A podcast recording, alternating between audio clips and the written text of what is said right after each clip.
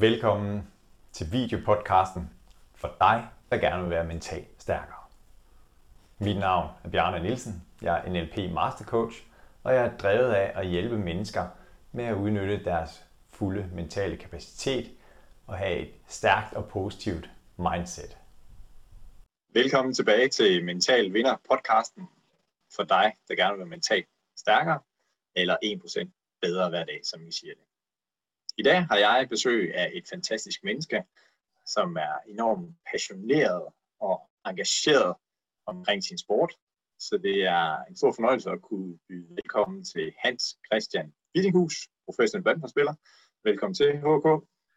Tak skal du have, Bjarne. Det er en fornøjelse at være med. Jeg glæder mig til at snakke med dig. Det har jeg bestemt også, og vi har jo en, øh, en historie, eller lært hinanden at kende i nullerne, og øh, for de af jer, som ikke er lige så optaget af badminton, som HK og jeg er, jamen, øh, så kan jeg lige læse lidt op af dit øh, efterhånden lange CV, selvom du stadigvæk er ung. Øh, HK, du var med som den første herre til at vinde VM-guld, også det, der hedder Thomas Kopp i 2016, så verdensmesterskabet for hold, og øh, så har du ført også to VM-bronzemedaljer i hold-VM, og du har vundet en Super Series Australian Open, og også i år startede året fantastisk vis, på fantastisk vis ved at blive nummer to til uh, Toyota Thailand Open på det, der hedder DWF World Touren. Og uh, i badmintonverdenen, Europamesterskabsmedaljer eller titler, hvor meget fylder det? Og så er det som dig.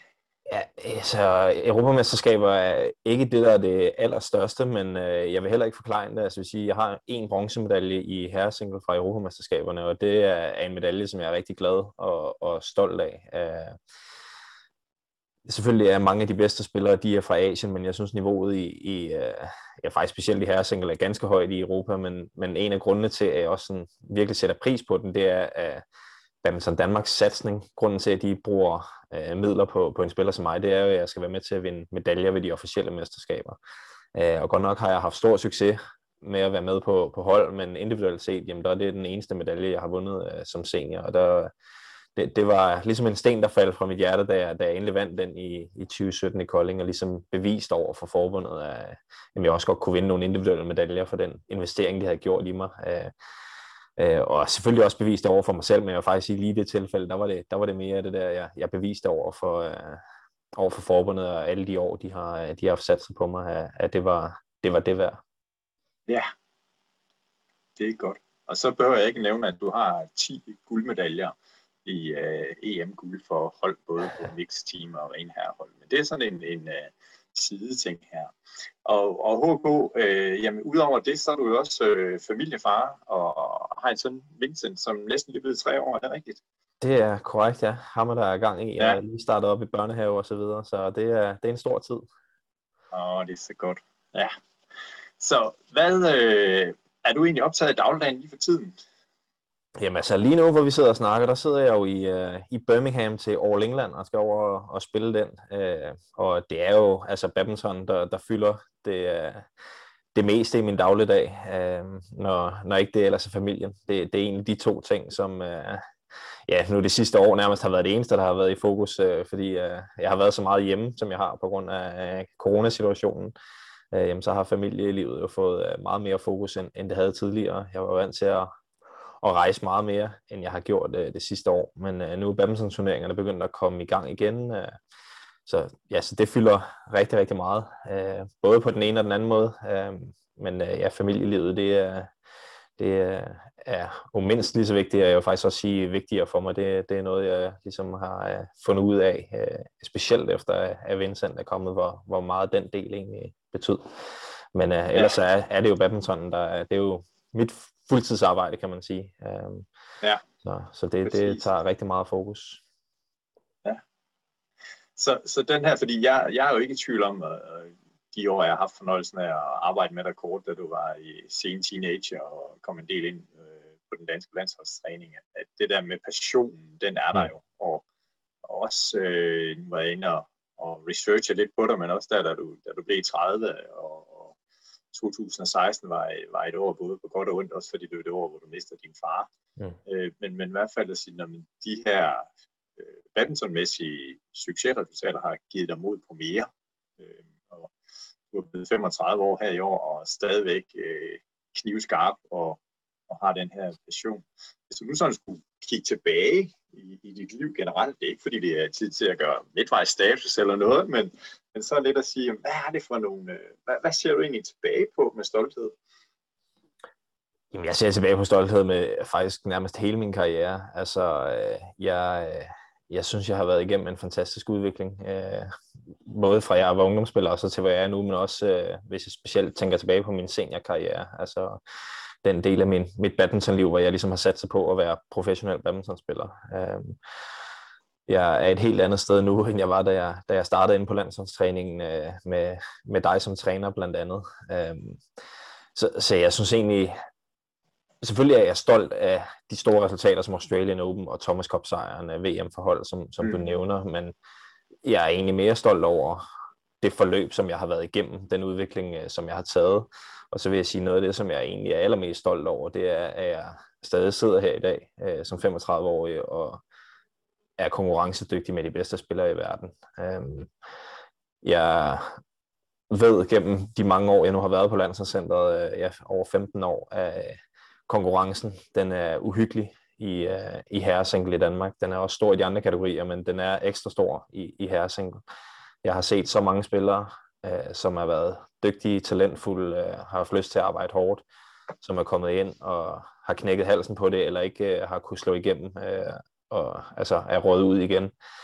Uh, ja, hvor, hvor det ikke er lykkedes at, at skaffe de her resultater og blive ved med at skabe sig en, en karriere inden for badminton. Og det, det er så lykkedes mig nu i, ja, i 15 år at, at blive i live, hvis man kan sige det på den måde, øh, inde mm. på, på det danske landsholdscenter. Det, det vil jeg sige, det er jeg rigtig, rigtig stolt af. Øh, og så ved jeg ikke, om stolt er det rigtige ord, men jeg synes i hvert fald, at det er, det er mega fedt for mig, at jeg stadig har den samme passion øh, og lyst til at spille badminton, øh, som jeg ja. hele tiden har haft. Altså, jeg, jeg må virkelig sige, at jeg elsker badminton overalt på jorden. Øh, og jeg er slet ikke i tvivl om, når jeg er færdig med at spille på det niveau, som jeg spiller nu, jamen, så skal jeg blive ved med at arbejde inden for badminton. Øh, jeg kommer aldrig til at stoppe med at spille.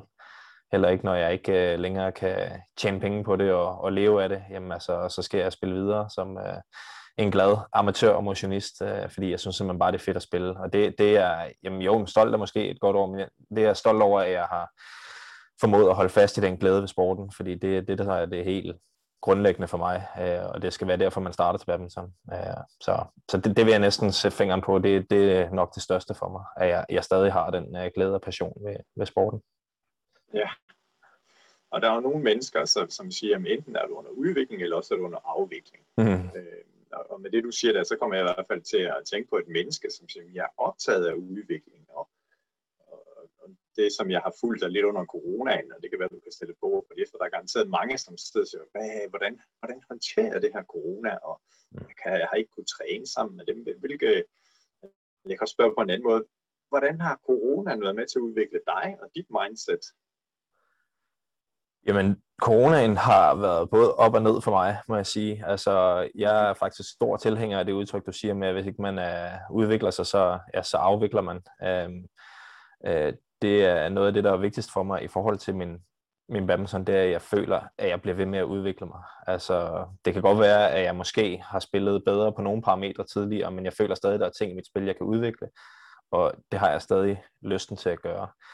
Øhm, det har der selvfølgelig været rig mulighed for her under corona-perioden, på grund af, at vi har været hjemme og træne meget mere, end vi har været vant til. Altså, jeg har været vant til at have over 100 rejsedage om året, øh, og det har vi mm. bestemt ikke haft det seneste år. Nej. Nej øh, og konkurrencedage, altså med, med alt det og rejsen frem og tilbage, så, så forsvinder der rigtig mange træningsdage normalt set. Det, det har der ikke gjort nu, øh, men faktisk så, så har det været sådan for mig på landsholdscenteret, at i starten af coronaperioden, der synes jeg, det var vildt fedt, og jeg kunne træne med stor intensitet, og jamen, det kørte bare derud af. Men et stykke derhen af, der øh, var det som om, at jeg mistede retningen. Altså, jeg mistede mit fokus lidt. Øhm, jeg trænede bare, øh, fordi det skulle jeg, og det var mit arbejde øh, egentlig. Altså, der stod på træningsplanen, jeg skulle komme klokken øh, 8, og så kom jeg klokken 8 og trænede to timer, og så tænkte jeg egentlig ikke meget mere over det. Øh, mm. Og der, der gik en lang tid før jeg re- reelt set opdagede det, der skulle, øh, jeg blev indkaldt til et møde af, af vores øh, landstræner Kenneth Jonasen, og det var egentlig i forbindelse med det møde, uden at han havde sagt, hvad det drejede sig om, at jeg så ligesom selv skulle sidde og gøre status, at jeg fornemmede, at der var et eller andet, der ikke rigtig var, som det skulle være. Jeg havde heller ikke spillet godt til træning, men jeg havde ikke rigtig fået gjort status på den der måde, øh, og det fik jeg så gjort til det møde. Og der åbnede jeg så selv mødet med at sige, at jamen, prøv, at der skal ske et eller andet, fordi det her det går egentlig bare i den forkerte retning, og hvis det er sådan, det skal være, så, så skal jeg finde på noget andet øh, at lave, altså så skal jeg ikke længere sætte på badminton på den her måde, så skal jeg ligesom videre i mit, øh, i mit liv, så jeg skulle bevise over for mig selv og over for, øh, for trænerne, at jeg stadig gerne ville det her, også på grund af min alder, mm. øh, fordi som sagt, så er konkurrence stor i her single, så der er andre, de kunne, kunne satse på i stedet for, hvis der var. Øh, og det var heldigt, at jeg selv åbnede det, for det var præcis derfor, at Kenneth han havde indkaldt til mødet. Øh, de, var, de var trætte af, hvordan øh, min, sådan, øh, min indstilling var i forhold til, hvad de var vant til. Altså, de sagde, det var jo ikke, fordi jeg, jeg trænede elendigt, men de kunne bare mærke, at der ikke var den der samme fokus og, og retning i tingene. Øh, det, det fik vi så styr på, øh, og så vil jeg sige, så har de seneste måneder, altså inden øh, turneringen i Thailand, som du nævnte, øh, Thailand Open, hvor jeg var i finalen i januar, månederne op til der, jamen der har mit fokus været, jeg sport oven igen, øh, og så synes jeg virkelig, jeg har fået det optimale, sådan rent badmintonmæssigt ud af, af, af hele øh, coronaperioden. Øh, men der røg altså ja, nok en tre måneder, som jeg næsten vil sige gik til spilde, øh, men øh, med evalueringen og så videre, så har det så faktisk været, været det det, jeg havde brug for, øh, for at, at få endnu bedre fokus øh, på, hvad der skal hvad der skal rykkes på her i den sidste del af min karriere, som jeg nok ikke kan løbe fra, er jeg jo er i gang med. Ja, det ved vi ikke. Det er kun dig, der ved det, HK. Øh. Ja, det kan jeg fortælle dig, det er det, Bjarne, for det, det, det, det fortæller min krop mig også, at jeg, jeg, skal ikke, jeg skal ikke fortsætte 10 år endnu i hvert fald. Nej, ja, det er så fint. Ja, altid. Se, overskriften handler omkring det her med at være en mental, øh, mental vinder, eller for en, der gerne vil være mentalt stærkere. Og øh, i 2009, og det er jo faktisk ved at være noget tid siden, jamen øh, der, der delte du ud af din øh, mental vinder definitioner, eller i hvert fald, jeg, jeg snakker med dig omkring det her, hvad, hvad kendetegner mental vinder for, for dig på det tidspunkt. Og øh, og det, jeg tænker jo, det er også derfor, jeg glæder mig rigtig meget til det her, for at høre, hvad er der sket siden 2009 rent øh, mentalt, og hvad for nogle brækker er faldet på plads øh, i dit hoved, og hvad, hvad har du gjort der af ting og sager? Øh, erfaringer på det område, ikke ting og sager. Så, så kan du huske, hvad du øh, skrev, eller definerede en mental vinder i 2009, eller skal jeg lige genopfriste lidt for dig? Øh, ja, du må gerne lige genopfriste. Jeg har, jeg har et okay billede af det, men øh, for, ja. for lytterens skyld, så må du gerne. Lad os sige det for deres skyld. Ja, øh, det, det som du sagde, der kendetegner en mentalt stærk person, det er en, der altid tror på sig selv, ligegyldigt hvilken situation man står i. Så uagtet stillingen, forholdene, forberedelserne, så tror man på, at man kan lykkes på grund af egne evner. Du siger også, at en mentalt stærk person er en, der tør satse, når det bliver mest afgørende. En, der ikke er bange for at vinde, men derimod til at satse hele butikken for at vinde.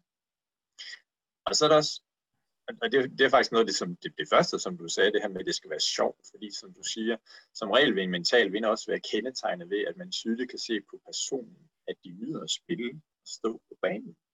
De har det sjovt. De føler sig tilpas. Lad mig lige lukke den der, så, så uddyber lige et, øh, eller bringer et andet spørgsmål på banen, hvor du fortæller omkring egenskaberne. Men det første, jeg fortæller her, og så der hvor du er i dag, hvad, øh, hvis der er noget, der har forandret sig, mm. hvordan ser du på det i dag, hvad en mental vinder er for dig? Ja, jeg synes faktisk ikke, at særlig meget af det, du læser op, det er, er særlig uh, præcis uh, betegnelse for, hvad jeg synes en mental vinder, eller en mental stærk person er i hvert fald. Um, Nej.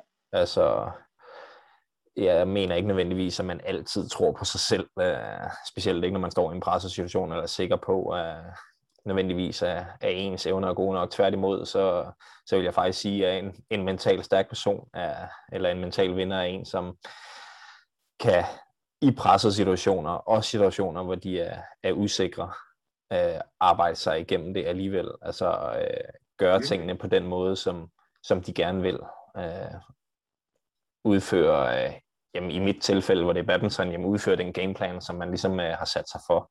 Øh, og det synes jeg egentlig også gælder for, for andre dele af livet. Øh, det kan godt være, at man ikke lægger en decideret gameplan, men de fleste mennesker har nogle værdier og en, en måde, de ønsker at være på og agere på i forskellige situationer. Øh, og der vil jeg sige, at en mental ja. vinder, en mentalt stærk person, jamen det er en, der, der formår at, at gøre det, øh, selvom at de er usikre, eller ikke tror på sig selv, eller øh, føler, sig, føler sig utilpas i situationen. Og det betyder ikke, at man ikke kan fejle øh, og komme til at gøre det forkert, men en mentalt stærk person vil også være i stand til at altså, komme tilbage og rejse sig fra, øh, fra det nederlag, eller den, det træ, de er faldet ved, kan man sige. Øh, øh, og, og så gør det alligevel. Øh, så, så jeg synes ikke rigtigt, det holder, det jeg sagde dengang, at, at man altid tror på sig selv og, og er stærk. Øh, tværtimod, så øh, vil jeg faktisk sige, at man, man skal kunne arbejde med, med det usikre for at bevise, at man øh, reelt set er øh, en mental vinder.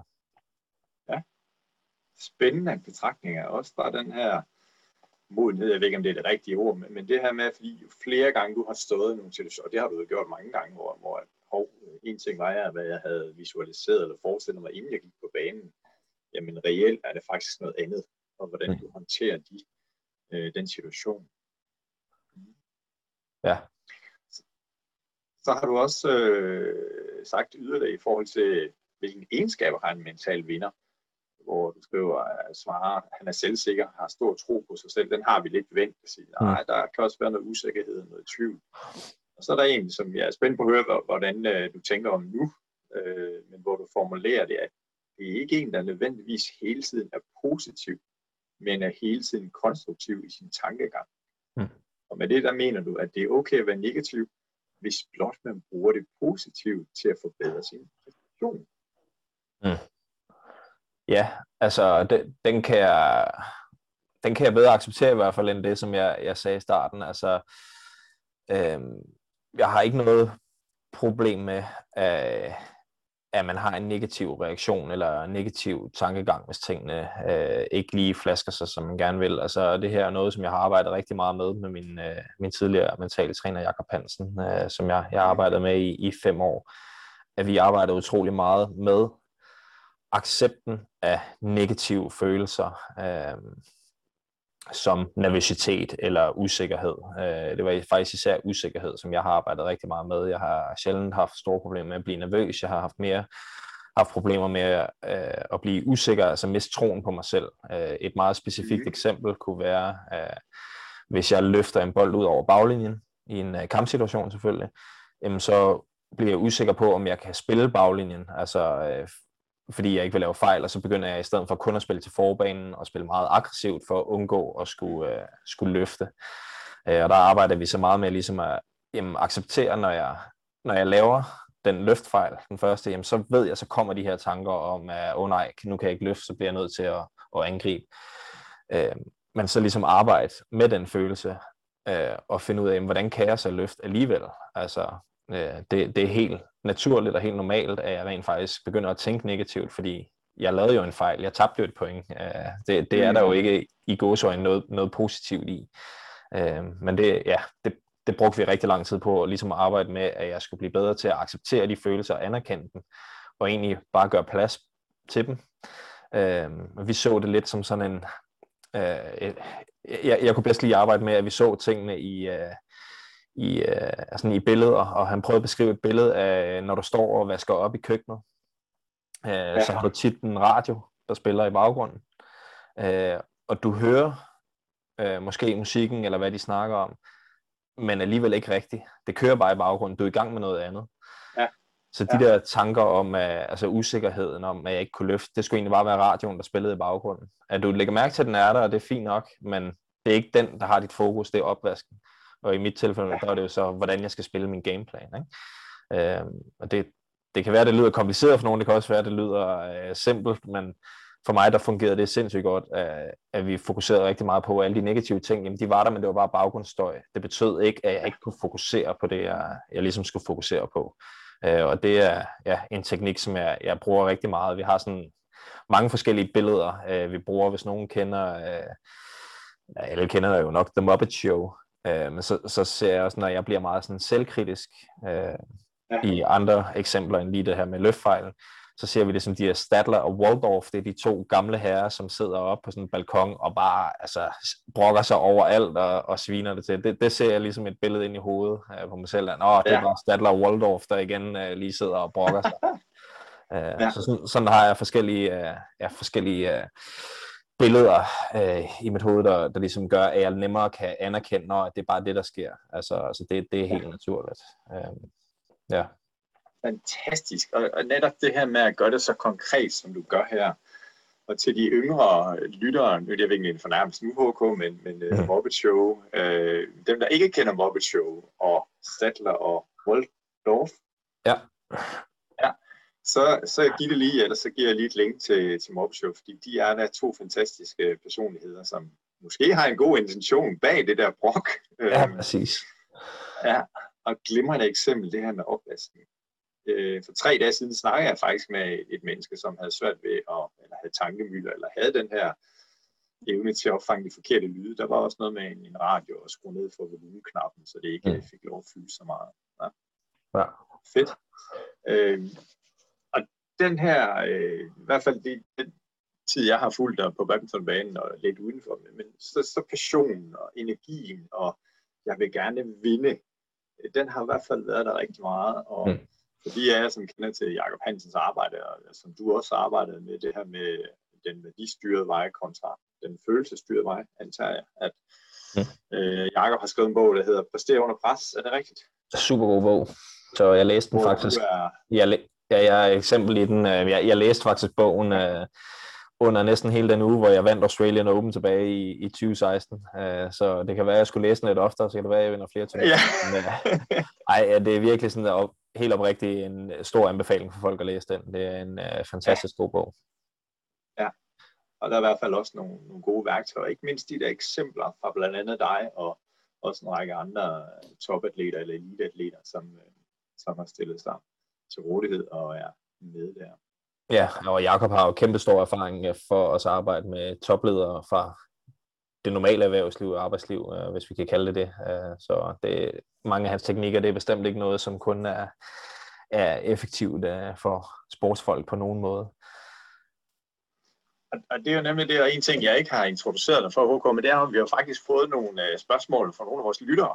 Og med det, du siger lige der, så har jeg faktisk et spørgsmål fra Leila Sune Jørgensen, som spørger, øh, netop når du siger det her med Jakob og erhvervslivet, og siger, men de erfaringer, du har gjort dig øh, på badmintonbanen og som professionel øh, sportsudøver, hvordan kommer det til at hjælpe dig, når du nu ikke skal være badmintonspiller mere? Så hvilke erfaringer, øh, jeg ved ikke, om det er for tidligt at stille spørgsmål, men du har jo også sagt, at jeg fortsætter ikke 10 år endnu. Mm. øh, jamen altså,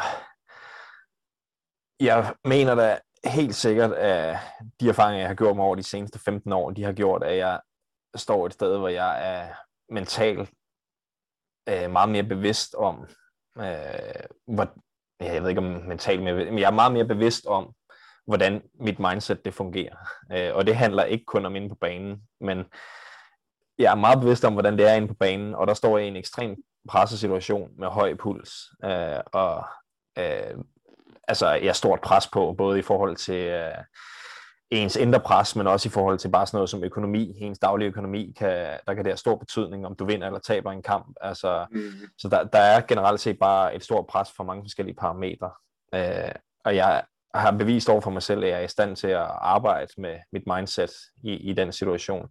Jamen det gør også, øh, for eksempel da jeg var, øh, jeg er jo, hvad hedder det, øh, formand for spillerne. Øh, vi stod i en konflikt med forbundet øh, og skulle forhandle om øh, en ny kollektiv aftale, sådan en aftale, som, øh, som afgrænser, hvad vi har rettigheder til, og hvad de har rettigheder til osv., hvor vi rent, rent faktisk blev smidt af landsholdstræningen i en periode.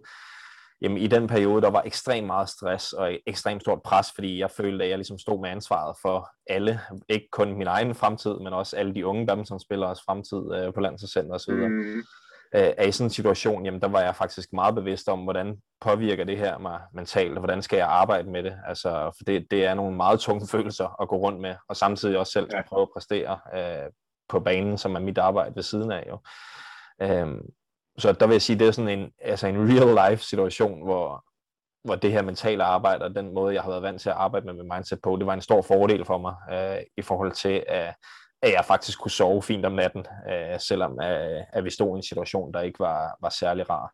Øh, og det betyder ikke, at jeg bare øh, kørte igennem det uden problemer. Jeg havde bestemt øh, hårde perioder der også, så øh, presset kan også blive stort og sådan noget, men øh, altså det, det synes jeg viser, beviser meget godt over for mig selv, at jeg, jeg kan håndtere et pres, og det er jeg sikker på, at jeg også vil kunne gøre, når jeg kommer ud i det almindelige arbejdsliv og altså andre situationer, end lige nødvendigvis at stå inde på banen. Så der, der tror jeg, at jeg har en, en, øh, en stor fordel. Øh, og så vil jeg også sige, altså man holder sig ikke som en del af, af Danmarks eliten og verdenseliten i, uh, i, i 15 år, uden at, uh, at være i stand til at arbejde hårdt og uh, arbejde klogt og arbejde uh, altså kontinuerligt, kan man sige. Øh, så det, det synes jeg bestemt også, at jeg har, øh, jeg har en sikkerhed over, over for mig selv om, at det kan jeg selvfølgelig også tage med ind et andet sted. Øh, det er ikke noget, der er specifikt for badminton. Øh, det er specifikt for min personlighed, at, jeg er i stand til at gøre det. Øh, så, så jeg går videre fra min professionelle badminton, kan jeg med en stor tro på, at jeg har muligheden for at lykkes ligegyldigt, hvad jeg skulle finde på at, at lave bagefter, fordi jeg, jeg, jeg har bevist over for mig selv, at det kan jeg. Ja. Tak for et godt svar, og også en stor tak til Leila for spørgsmålet. Mm. Se, det her med, nu har vi snakket omkring at have, have mental vinder adfærd, eller mindset, eller være mentalt stærk, og også det her med, du giver eksempler, men okay, der var noget modgang i form af, at du var på den ene side af bordet i forhold til Badminton Danmark forbundet, som du refererer til. Hvad, hvad, hvis vi nu vender bøtten rundt og så siger, at hvad, hvad kendetegner en, der er en mental taber, eller mental taber adfærd? Hmm. Hvis du skulle sætte ord på det? Jamen det synes Øh, jamen, jeg synes, at, at det, der ligesom er en mental vinder, er en, der kommer med mange undskyldninger, altså forklaringer øh, på, hvorfor det ikke går, som de gerne vil. De, de peger meget ud af, i stedet for indad på sig selv. Øh, og, det, og det, der ligesom altså, gør den helt store forskel, er, at de, de lader det stjæle alt fokus. Øh, for det er ikke, fordi jeg ikke kan komme med en dårlig undskyldning eller forklaring på, hvorfor det ikke lige går, som jeg gerne vil, at bolden er for hurtig, eller min modstander var øh, mega heldig, øh, eller, eller noget i den stil, men jeg lader ikke det ligesom være det alt om klammerne, som, som stjæler alt fokuset. Det skal igen bare ligesom være, være støjen i, i baggrunden. Øh, så det er egentlig det, jeg ser som mental taber, en, der ikke, der ikke formår at se ind af, øh, men tværtimod øh, ja, bare peger fingre på alle mulige andre end, øh, end sig selv. Øh, og ja, det, det synes jeg egentlig sådan, at, at den tætteste på forklaring, jeg kan komme på det, selvom det selvfølgelig også er, er mere komplekst end, end det. Ja, og det er helt i tråd med det, som du øh, svarede i 2009. Og øh, der har du nemlig også sagt, at en mental vinder er i stand til at kigge indad, når det går skidt, i stedet for at kaste ansvaret for fiaskoen videre. Jeg vil gerne understrege, at det er jo ikke fordi, at man skal gøre det altså, med det samme lige i øjeblikket, hvor det sker. Altså, det er en, der formår at kigge indad i, i en eller anden proces. Altså, så, og, og om den proces, den var øh, 30 sekunder, eller om den var øh, en dag eller en uge, det, det kan jo være forskelligt afhængig af problemets karakter og størrelse. Øh, så det vil jeg bare sådan gerne understrege over for lytterne. Det er jo ikke sådan, jeg tænker, at man bare sådan her med det samme lige skal kunne, øh, kunne, kunne tænke konstruktivt og, og kigge indad, men man, man skal kunne gøre det på et eller andet tidspunkt i løbet af den proces, man, man nu engang har gang i. Super vigtig pointe, lige nøjagtigt. Og jeg tænker også i forhold til netop, når passionen er så stor, og i hvert fald, at jeg synes, du er en person, der spiller med følelserne, som er enormt inspirerende. Altså siger, okay, men, altså, når HK går på banen, du har jo hjertet med, øh, og du kan bare sige, at du brænder for det. Mm. Øh, så, så det giver rigtig, rigtig god mening. Ja, og ikke det, fordi vi skal Ja, det vil jeg bare sige. Det er jeg faktisk rigtig glad for, at du siger. Øh, for det er også en af de ting, som jeg arbejder meget med Jakob om i sin tid.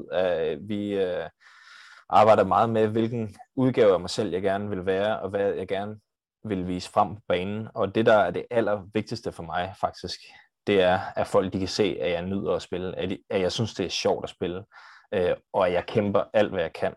Det, altså det, det er to værdier, som øh, det, det kan være, at man synes, det lyder lidt underligt, fordi badminton er jo også en resultatsport, det handler jo om at vinde, og ja, jeg, jeg vil selvfølgelig også helst vinde.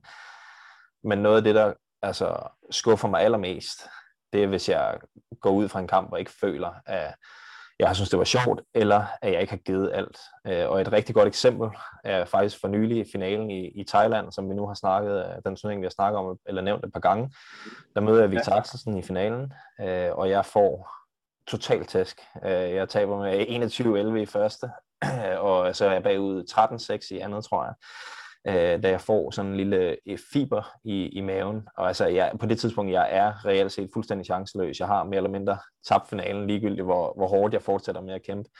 Øh, men da jeg er færdig med at spille, der er jeg faktisk rigtig ked af øh, kampen, fordi at der ved 13-6, derfra der kan jeg ikke jeg kan ikke spille, altså jeg kan ikke kæmpe, jeg kan ikke gå efter bolden, som jeg gerne vil, fordi jeg hverken kan bukke mig forover eller bagover. Øh, ja det havde ikke gjort nogen forskel for resultatet af kampen, om jeg ikke var blevet skadet. Jeg havde stadig tabt, måske havde, i stedet for at få syv i andet sæt, så havde jeg måske fået 10 point. Ja, men det, det gør jo reelt set ikke nogen forskel. Men jeg var simpelthen bare så skuffet over, at jeg stod i sådan en stor finale, og så kunne jeg ikke kæmpe øh, med alt det, jeg ville til sidst. Øh, og de sidste ja. 7-8 dueller, jamen, jeg havde ingen glæde ved det heller, altså, fordi jeg gik egentlig bare og tænkte på den der, den der skade, og hvor irriterende det var, at jeg ikke kunne give alt. Øh, så det synes jeg sådan er et meget godt eksempel på, at det, det er ikke bare noget, jeg siger. Det, det betyder faktisk rigtig meget for mig. Uh, så derfor gør det mig også glad, så, når, når du nævner det, som, som du lige gjorde her. Ja. Og det er altså det, det er, det er passion og fightervilje, øh, og så stadigvæk med at vinde. Øh, mm. Helt sikkert. Ja. Så det er der ingen tvivl om. Mm. Det, en af de ting, som i slutningen af den her podcast, der er vi ikke noget nu, men, men, men jeg kan lige forberede dig på det, og lytterne har også noget at se frem til, øh, fordi jeg har jo bedt om at, at komme med tre gode råd til, øh, til lytterne, til dem, der gerne vil have et uh, mentalt stærkere mindset. Og mm. der kommer også et, øh, et råd til den yngre Hans Christian. Øh, vi kan huske, hvilket godt råd han, han vil give til, til den yngre udgave.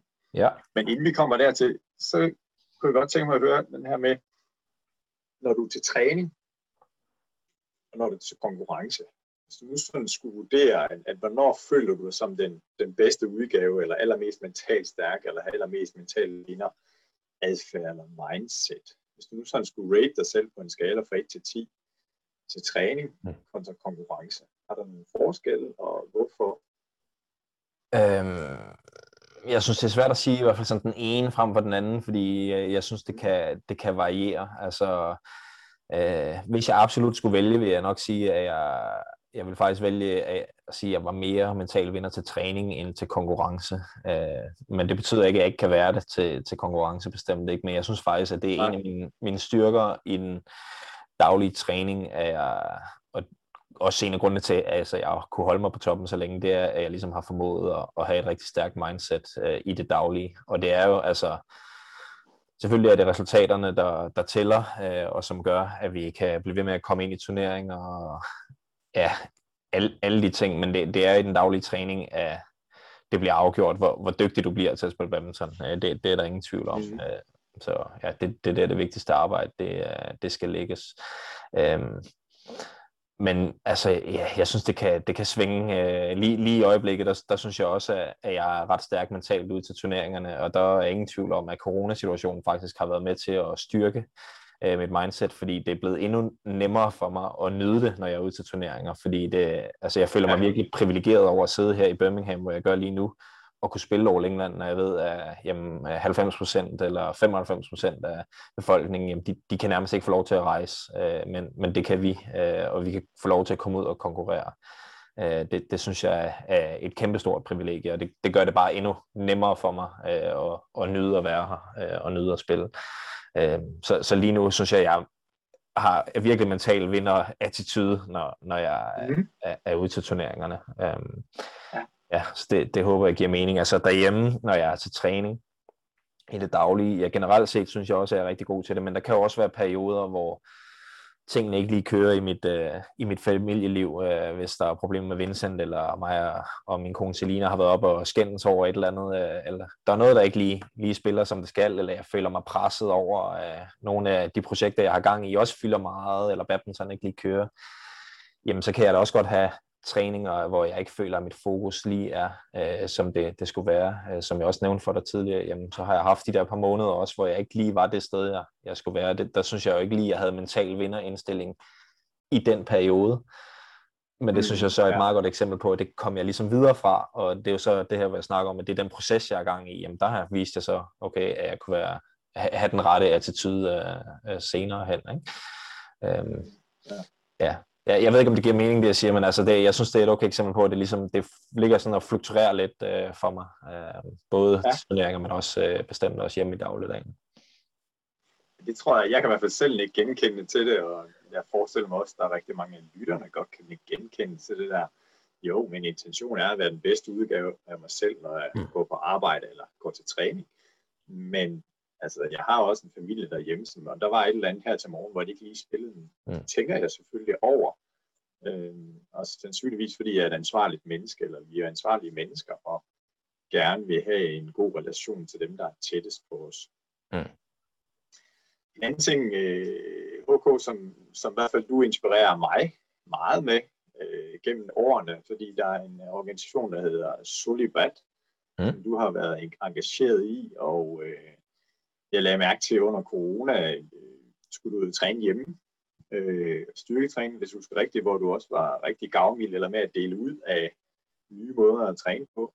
Og så den tredje ting, jeg lige vil bringe i spil, det var din øh, enormt spændende øh, podcast, mm. af Year on Tour with Vittinghus, som øh, du har startet op, hvor du inspirerer rigtig, rigtig mange mennesker. Så, så det her med at være gavmild, inspirator, øh, hjælpe andre mennesker, som øh, måske har det måske er svære, eller vil gerne nå samme høje niveau som dig. Hvor kommer det fra, og hvad handler det om? Jeg tror, at det kommer fra øh, Altså, ja, det, det kan faktisk næsten lyde åndssvagt, fordi man, man kan jo sige, at jeg gør det, man gør det for andre, eller jeg gør det for andre, men jeg gør det faktisk lige så meget for mig selv. Altså, mm-hmm. øhm, noget af det, jeg synes, der er allerfedest, det er, hvis jeg har lavet en podcast, øh, og der så er nogen, der skriver og giver mig ros for den, og synes, det har været det fedeste, at de skriver, det har været inspirerende at høre fra den og den person. Øh, altså, det, det kan gøre mig helt varm i. Øh, så den mm. følelse, som jeg selv opnår, øh, er egentlig en stor del af, hvorfor jeg gør det, så synes jeg bare, altså lige med podcasten, at det, at det er vildt sjovt, det er vildt spændende. Det er en rigtig god undskyldning for at sætte sig ned og snakke øh, med nogle mennesker, som jeg måske nødvendigvis ikke lige ellers ville sidde og snakke en halv time til en time med øh, om badminton, og øh, ja, det er jo selvfølgelig omdrejningspunktet i, i min podcast. Øh, ja. Men nu, ja, nu nævnte du også Solibat, øh, velgørenhedsorganisation der, som, som jeg også øh, har støttet gennem badminton, og der, der besøgte jeg blandt andet et projekt ude i, i Indonesien, øh, hvor øh, de, de mennesker, vi besøgte, de boede nærmest på en, øh, på en losseplads. Øh, men at se, hvor sindssyg en glæde de havde, da vi skulle ud og spille badminton. Altså, det, det, det var simpelthen så givende for mig selv i, i den situation. Så Altså, altså, jeg vil gerne sidde og sige, at jeg gør det kun for alle andres skyld, øh, og for, for at hjælpe en masse. Øh, ja, det, det gør jeg selvfølgelig også, men det, det giver simpelthen mig selv så meget, så det er derfor, jeg bliver ved med at være motiveret til at gøre det. Altså, fordi det, altså det, det, er bare, det bliver jo mere og mere naturligt for mig, fordi så, selvfølgelig skal gøre det. For andre folk de bliver glade af det, jeg bliver selv glad af det, så jeg kan ikke se årsagen til, hvorfor jeg skulle lade være. Øh, også når jeg træner, deler øh, træningsvideoer på, på min Instagram eller, eller Facebook, jamen, igen, der kommer vildt meget feedback, og du kan mærke, hvordan folk de kan bruge det til noget. Øh, så ja, så hvorfor skulle jeg ikke gøre det? Øh, det, det, det er godt for alle. Øh, så jeg, jeg ser kun positive ting, men det er derfra motivationen, den, øh, den egentlig øh, kommer. Mm, ja, men det er i hvert fald blive ved, blive ved. Det er inspirerende at være med på sidelinjen og høre også dem, du møder, eller dem, du interviewer i din podcast. Dejligt at høre. Så tak for det.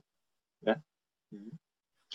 Se, øh, jeg kunne godt tænke mig at spørge dig om, fordi øh, nu har jeg interviewet snart 200 mennesker omkring det her med at være en mental vinder, og jamen, nogen tænker, at det er bare en eller anden supermand eller superwoman, som er mentalt stærk og bare kører det ud af. Og det har du jo lidt øh, punkteret lidt, nej nej, det handler det ikke om. Og, og det her med at være usikker, jamen, det er faktisk en, en del af rejsen. Og Christian Stadil, som er øh, direktør for Tornico og folk kender ham måske fra Løvens Hule, hvor han har været med, jamen der tvivlen er en, han altid har med sig, siger jamen det her med at, at øh, ja, være i spidsen for et kæmpe stort konglomerat, øh, som det hedder, øh, jamen tvivl, det, det, det er hans følgesvend. Øh, og det kommer i hvert fald til at tænke på, når du også har den her usikkerhed og parkerer den et eller andet sted, øh, fordi den skal nok være der. Så hvad er det for nogle ting, som du går og arbejder med, som kan give dig nogle øh, kan man sige, tilbagefald i den mentale styrke? Så hvad, hvad er det, der skal til for, at du oftere når op på, på 10 på mental vinderskalaen?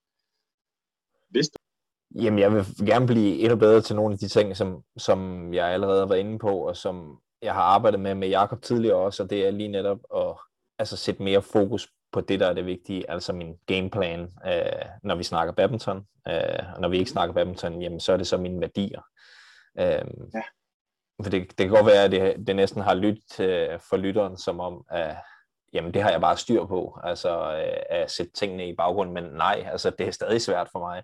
Øh, mm. Og jeg vil sige, altså arbejde med det mentale, det, øh, ja, det har jeg gjort siden jeg startede med at arbejde med Jakob i, i 2013, i hvert fald sådan, øh, øh, på en organiseret måde. Jeg har nok altid gjort det øh, længere tilbage også, men organiseret har det været, siden jeg, jeg startede med Jakob der i 13.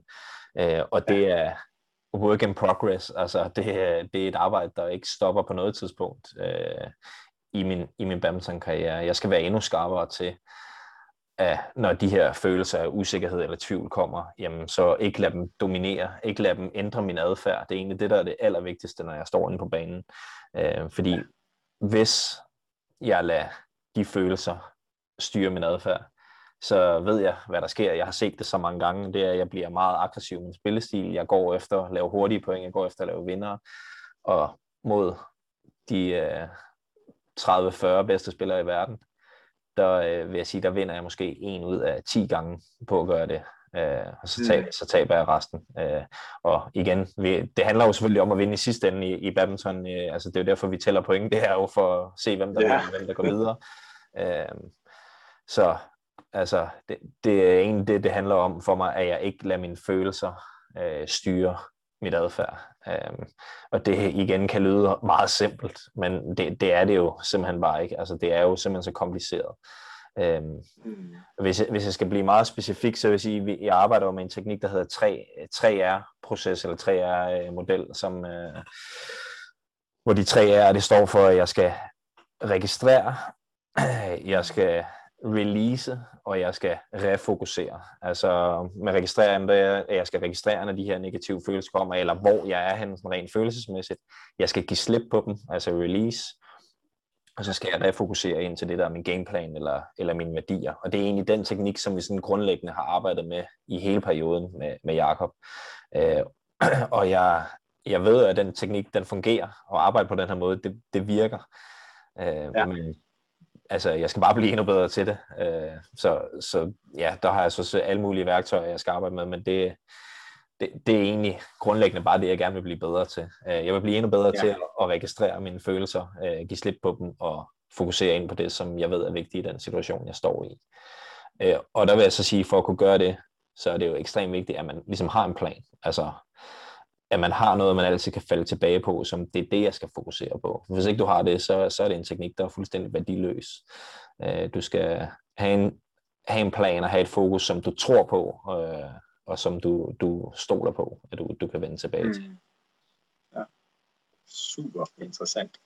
Og øh, for de af jer, der ikke kender så meget til 3R-modellen, registrere, release og refokusere, så inde på mentalvinder.dk, så vil du kunne finde noget mere information omkring det, eller i den fantastiske bog Præstere under pres, hvor du også kan finde OK i din hus.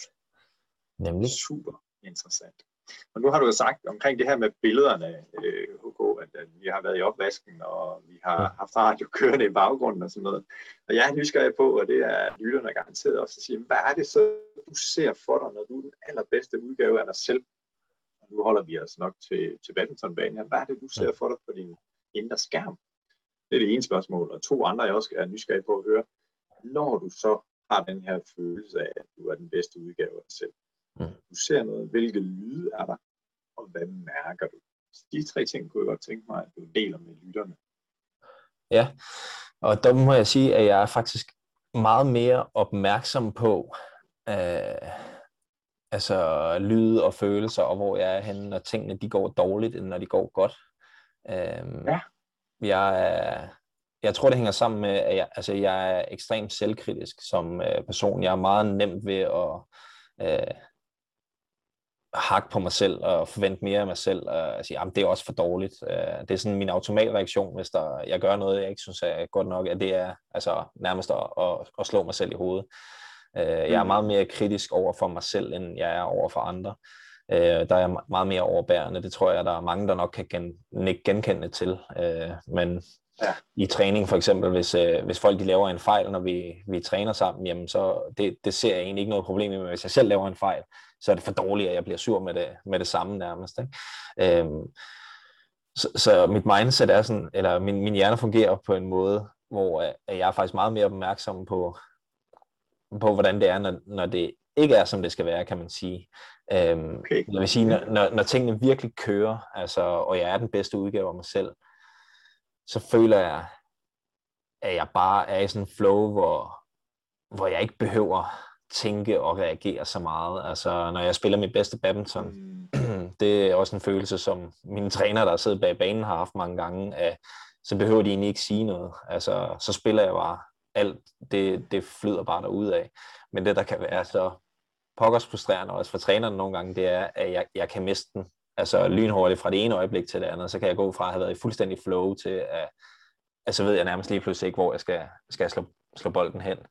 Øh, så det vil jeg faktisk, når jeg sidder nu her og svarer på spørgsmålet, få det mig til at tænke, at det er måske en af mine øh, mentale svage sider også, at, at jeg ikke er så god til at være opmærksom på, hvordan øh, jeg er, når det kører bedst. Altså, så, så det gør, at jeg måske ikke er helt så god til at fastholde den, den følelse, som, øh, som jeg kunne være. Øh, så det kunne faktisk, for at gå tilbage til det tidligere spørgsmål, være en af de ting, jeg skulle arbejde lidt mere med øh, fremadrettet, ja. nu jeg sidder og tænker over ja. det. Øh, at blive bedre mm. til at være mere opmærksom øh, i den situation, øh, for at kunne fastholde følelsen øh, længere. Øh, men ja, det, jeg, jeg føler, at jeg opnår bare sådan en eller anden form for, for flow, øh, og det er, det er egentlig lidt et træls svar, fordi det er svært, hvad, altså, hvad er sådan et det er flow, det, det er svært at blive helt præcis på, synes jeg. Hvor mærker du det så henne i kroppen, øh, når det der flow er, fordi der er ikke noget tanker, ikke særlig meget tankeaktivitet, du gør alt det rigtige. Mm. Ja, øh, jamen, generelt set så både flow og også nervøsitet eller sådan pres og sådan noget, det, jeg mærker rigtig mange ting i min mave. Øh, det, ja. det, det er simpelthen bare sådan, jeg fungerer. Øh, og og mm. måden, jeg er blevet helt sikker på, det er sådan, det er at altid efter store opgør, store kampe, vigtige kampe, øh, jamen der har jeg, jeg, jeg kan have simpelthen så ondt i maven bagefter. Og det er ikke noget at gøre med, at jeg er muskulært er træt i maven eller noget, men det er simpelthen bare, at jeg, jeg gemmer alle mine følelser øh, dernede. Øh. Og altså det er, jamen det er meget specifikt, at det, det, det sker nærmest hver gang, hvis vi for eksempel spiller et holdmesterskab, øh, og det er en, en finale, øh, enten for klub eller for landshold, eller hvad det er, og jeg skal spille en vigtig afgørende kamp. Altså, jeg, jeg kan have simpelthen så ondt i maven, så jeg næsten ikke kan være i mig selv efter kampen altid, fordi jeg bare har mm. gået og gemt på det hele dernede. Ikke? Øh, og der er det så, jamen hvis tingene de bare flow, og det bare kører, jamen så har jeg egentlig bare en god fornemmelse af sådan ro og, og sikkerhed i maven, øh, og, ja. og ikke, ikke er så anspændt. Men det, det er helt klart, det er der, jeg kan mærke det, og det, det er der slet ingen, øh, ingen tvivl om. Ja. Enormt interessant det her, og, og jeg har i hvert fald snakket med mange, som har den der noget, jeg gerne vil væk fra. Altså, nu har jeg det her forstyrrende fokus, hvad er det, så jeg skal lige putte til side, så jeg kan refokusere og komme tilbage igen. Øh, så det giver god mening, når du siger det her, jamen jeg er mere opmærksom på at, at se for mig, når det ikke kører, og så finde tilbage. Mm. Mm. Super inspirerende. HK, vi er ved at nå hen til, til slutningen af det her spændende podcast, og jeg har jo masser af spørgsmål nu, men uh, vi begrænser os. Mm. Så jeg sagde jo tidligere, at øh, det vil være så godt, hvis du vil dele eller give tre råd til dem, der lytter med her til at få et, et stærkere mindset og blive mere mental vinder i dagligdagen. Hvad vil du sige til, til lytterne? Jamen jeg vil sige, det jeg synes faktisk er det vigtigste, det er, øh, at man er åben. Øh, og med det der mener jeg, at man er åben over for sine egne begrænsninger. Øh, vi er ikke gode til alt.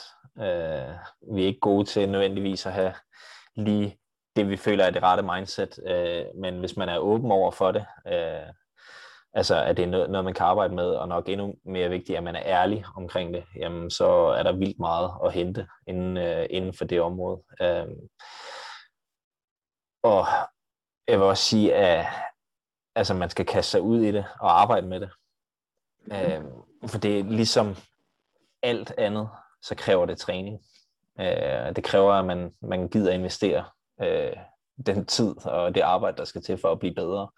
Øh, og det er jo, altså ja, hvis man ønsker at blive bedre, jamen så, så, så er det bare sådan, det er. Det, det kommer ikke øh, automatisk af bare lige at tænke lidt over det. Man skal rent faktisk øh, gøre noget ved det. Øh, og det kan godt være, at alle, der sidder og lytter, de måske har de ikke nødvendigvis lige råd til at gå til en mental træner en gang om ugen eller hver 14. dag. Men øh, man kan formentlig i hvert fald starte et forløb op med en mental træner. Og så er der faktisk rigtig mange situationer, bare i det daglige, hvor du selv kan arbejde med tingene. Øh, du kan jo læse en bog også, som for eksempel den, øh, vi nu har anbefalet flere gange, men det kan også være, være andre bøger, jamen det kan også hjælpe dig på vej. Øh, men et af de bedste råd, Jakob Hansen der, han altid gav mig, jamen det var, øh, at alle de ting, vi snakkede om, det var jo ikke begrænset til, at jeg kunne arbejde med det på badmintonbanen. Det kunne jeg arbejde med mange steder. Øh, et rigtig godt eksempel er i, i supermarkedet øh, når du står i kø, og der er fem foran dig i køen, og der bliver ikke åbnet en kasse mere, og dem, der står lige foran, jamen, de står og fumler med at få varerne op på båndet, og så når de skal betale, har de ikke lige fået fundet deres punkt frem, så går der lige 10 sekunder ekstra, og man står der og tripper, og man er simpelthen så irriteret og sur.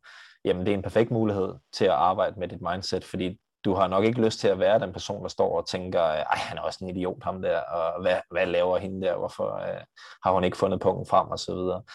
Øh, så mm. det er en dagligdags situation, hvor du kan arbejde med det. For andre vil det måske være, når du sidder i bilen bag rattet, og en eller anden øh, person kører langsomt, eller ikke lige øh, noget, gjorde, at du ikke lige nåede over det grønne lys. Så der er masser af dagligdags situationer, hvor du kan arbejde med, med tingene, også uden at du har en mental træner tilknyttet hele tiden. så ja, så det vil være et råd for mig, at man ligesom kaster sig ud i det, kommer i gang med det, og arbejder med det i, i det daglige, øh, de dagligdags situationer, der giver mening for en selv. Mm. Super. Ja, så jeg, ved ikke, jeg, ved ikke, om det var, jeg ved ikke, om det var tre råd, men det var i hvert fald de råd, som jeg havde øh, ligesom tænkt over, at jeg gerne ville give videre, som, øh, som jeg har haft stor succes ja. med, med at arbejde med Jakob i hvert fald. Ja, fantastisk. HK, du er 35 år, øh, en mand en atlet i sin bedste alder, og nogen siger, nej, nej, nej, han er på vej nedad. Men det tror jeg ikke, og jeg glæder mig mega meget til at følge dig her til All England, og når I lytter og lytter det her, jamen, så er All England blevet spillet. Øh, hvis vi nu sådan skulle sige, jamen den erfaring, du har nu, øh, og alle de her store oplevelser, du har med, både som atlet, men også det at være blevet far og blevet gift med Selina. Hvis du nu skulle give dit yngre jeg et godt råd, mm. hvad skulle det så være? Og hvor gammel er dit yngre jeg på det tidspunkt? Der er ingen tvivl om, at i forhold til i hvert fald med badminton, så det jeg vil råde mig selv til, øh, og det vil være, øh, ja, over præcis, måske øh, faktisk nok lige der omkring, hvor man skifter fra ungdom. Oh, hvad siger du? Prøv lige at tage den igen. Prøv, ja. Det hakkede lige, da du sagde. Ja, men jeg kan, også, jeg kan godt se... Ja, med det råd i. Ja, ja jeg kan godt se, at min internet øh, hakker en lille smule nu. Det råd, som jeg vil give til mig selv, øh, vil nok være i sådan alderen omkring øh, 17-18 år, lige hvor man skifter fra ungdom til, øh, til, til senior. Øh, og der er slet ingen tvivl om for mig, at rådet det vil være til mig selv at komme i gang med mental træning. Øh, og nu er det ikke, fordi vi sidder her med en mental træningspodcast øh, eller noget af det, det er lige netop derfor, men det har simpelthen været så givende for mig dengang, at jeg startede med forløbet med Jakob, så det skulle jeg være startet med meget tidligere. Øh, det er jeg slet ikke i tvivl om, at det ville have kastet mange flere store resultater af sig og generelt set givet mig en karriere, som jeg havde været endnu mere altså, stolt og tilfreds over. Øh, ikke at jeg ikke er stolt og tilfreds nu, men jeg, jeg, jeg kan ikke se, hvordan at det ikke skulle have givet mig flere store oplevelser, i hvert fald hvis jeg øh, var begyndt at arbejde med, med mental træning allerede øh, dengang, og i hvert fald gjorde det sådan mere kontinuerligt og, øh, og i faste rammer. End, øh, altså jeg stiftede bekendtskab med det allerede dengang, men arbejder slet ikke med det kontinuerligt, som, øh, som jeg vil råde enhver ung spiller til at gøre nu i hvert fald. Super godt råd. Helt fantastisk. HK, jeg, tænkte, jeg, tænkte, jeg, tænkte nok, du, jeg tænkte nok, du ville kunne lide det råd, Bjarne. ja, det kunne jeg bestemt. ja, nu er der en mere på listen, der har sagt det, så, så der må være noget om det. Så ja, ja. start tidligt eller med det mentale. Ja. Og det er virkelig også altså, et, et dybfølt råd, at det er ikke, det er ikke bare for at gøre dig tilfreds eller noget. Jeg, jeg mener det virkelig. Ja, og jeg tilslutter mig. Det er et rigtig godt råd. HK, her til sidst, er der noget, du øh, ikke har fået sagt, som du tænker, det her, det må jeg lige have sagt, inden øh, at vi siger tak for i dag? Ja, det er der faktisk, øh, fordi det, det er en lille historie, som jeg vidste ikke lige, hvornår jeg kunne få den. Jeg har været tæt på at fortælle den flere gange, men, og du kan sikkert ikke huske det, men da vi spillede, eller jeg spillede en turnering i Tjekkiet engang med dig som træner, øh, da du var en del af, af landsholdscenteret, øh, som, øh, ja, hvad var du, U20-landstræner? Øh, 23, ja. 23 landstræner, ja. Der, øh, der er sådan en situation, der ligesom har brændt sig fast i mig. Øh, jeg spiller mod en polak, der hedder øh, Vacha, øh, Prisimislav Vacha, øh, som var rigtig dygtig. Yes. Han var, ja, han var topseed i turneringen. Øh, og jeg var ung og tænkte, jamen jeg, jeg skal bare vinde det hele. Ikke? Og øh, Vacha, han var fra Polen, som ikke ligefrem er nogen stor badminton-nation. Øh, jeg kendte ham egentlig ikke rigtigt, men jeg, jeg taber den her kamp til ham. Jeg spiller egentlig okay, øh, nok set i bagklogskabens klare lys i hvert fald. Men jeg følte ikke efter kampen, at jeg selv spillede øh, specielt okay. Jeg følte egentlig bare, at hold nu op, hvor var det dårligt at tabe til en fra Polen. Øhm, og hvad, jeg har nok været 19 på det her tidspunkt. Og det første, du siger til mig, øh, uden for banen, da jeg kommer ud, det er sådan, du er sur. Hvorfor? Hvor, altså, det var sådan, som om, at jamen, du havde jo, jeg havde jo spillet en god kamp, det kunne du jo godt se, og der, hvad, altså, der var ingen grund til at være sur, fordi det var egentlig, uh, det var egentlig, det var egentlig godt, det jeg havde præsteret. Uh, men grunden til, at jeg gerne ville have historien med, det er egentlig, fordi dengang, der formodede jeg slet ikke at se på det på nogen som helst positiv måde. Jeg synes faktisk, at det var skide irriterende for at sige det lige ud, at du, du reagerede på den måde der. Men jeg var så fokuseret kun på resultatet, at det var det eneste succeskriterie for mig, at jeg havde bare tabt til Bacher fra Polen. Men når jeg mm. ser tilbage på det, så jamen, det var faktisk overhovedet ikke dårligt. Tværtimod, så spillede jeg godt. Tværtimod, så var det faktisk en kamp, som jeg fik rigtig meget ud af øh, længere set hen. Så det, jeg vil egentlig bare gerne have det med for ligesom at vise, at, at der, der er sket en utrolig stor mental udvikling for mig selv også. Øh, mm. At dengang, der var jeg ikke klar til at måske at modtage coaching på den samme måde, som jeg ville være i dag. Altså, øh, og der var helt sikkert flere nuancer i det, du sagde, og vi havde en længere evaluering. Det var ikke bare selvfølgelig mm. lige, lige tre ord. Men jeg synes, det sådan, øh, var en god historie til at illustrere, øh, jamen, altså, der er også sket noget med min mentale udvikling i forhold til, at det ikke kun er, om jeg lige vinder eller taber i den givende situation, der afgør, om altså, en kamp øh, har været god eller, eller dårlig for mig. Øh, og på en eller anden måde, så er den også bare sådan printet sig fast. Altså jeg kan, jeg kan huske det, som var det i går, at jeg kom ud fra banen, og jeg er eddikesur, og du står der, og øh, har det smil, som jeg også kan se nu på, altså ja. næsten i hvert fald. Øh, altså du, du var egentlig godt tilfreds, fordi du tænkte mere på min spillermæssige udvikling, som jo var ja også var dit arbejde. Altså, så så det, det, det står bare simpelthen så klart for mig, så jeg synes, det var en god uh, lille historie uh, lige at få med. Ah, det er så godt. Tak for det. Og det er jo helt i tråd med, med det citat, som vi har i Mental Vinder, så jeg taber aldrig, enten vinder jeg, eller så lærer jeg. Øh, så KK, det har været en fornøjelse at have dig med her. Øh, jeg har stadigvæk en masse spørgsmål. Vi ved ikke, om der kommer en to, og det er svært at sige. Øh, jeg ønsker dig alt muligt øh, held og lykke her til All England og give den gas for dig selv og for Danmark og familien og lille Vincent. Mange tak, Bjarne. Tak fordi du var med. Selv tak, det har været sjovt.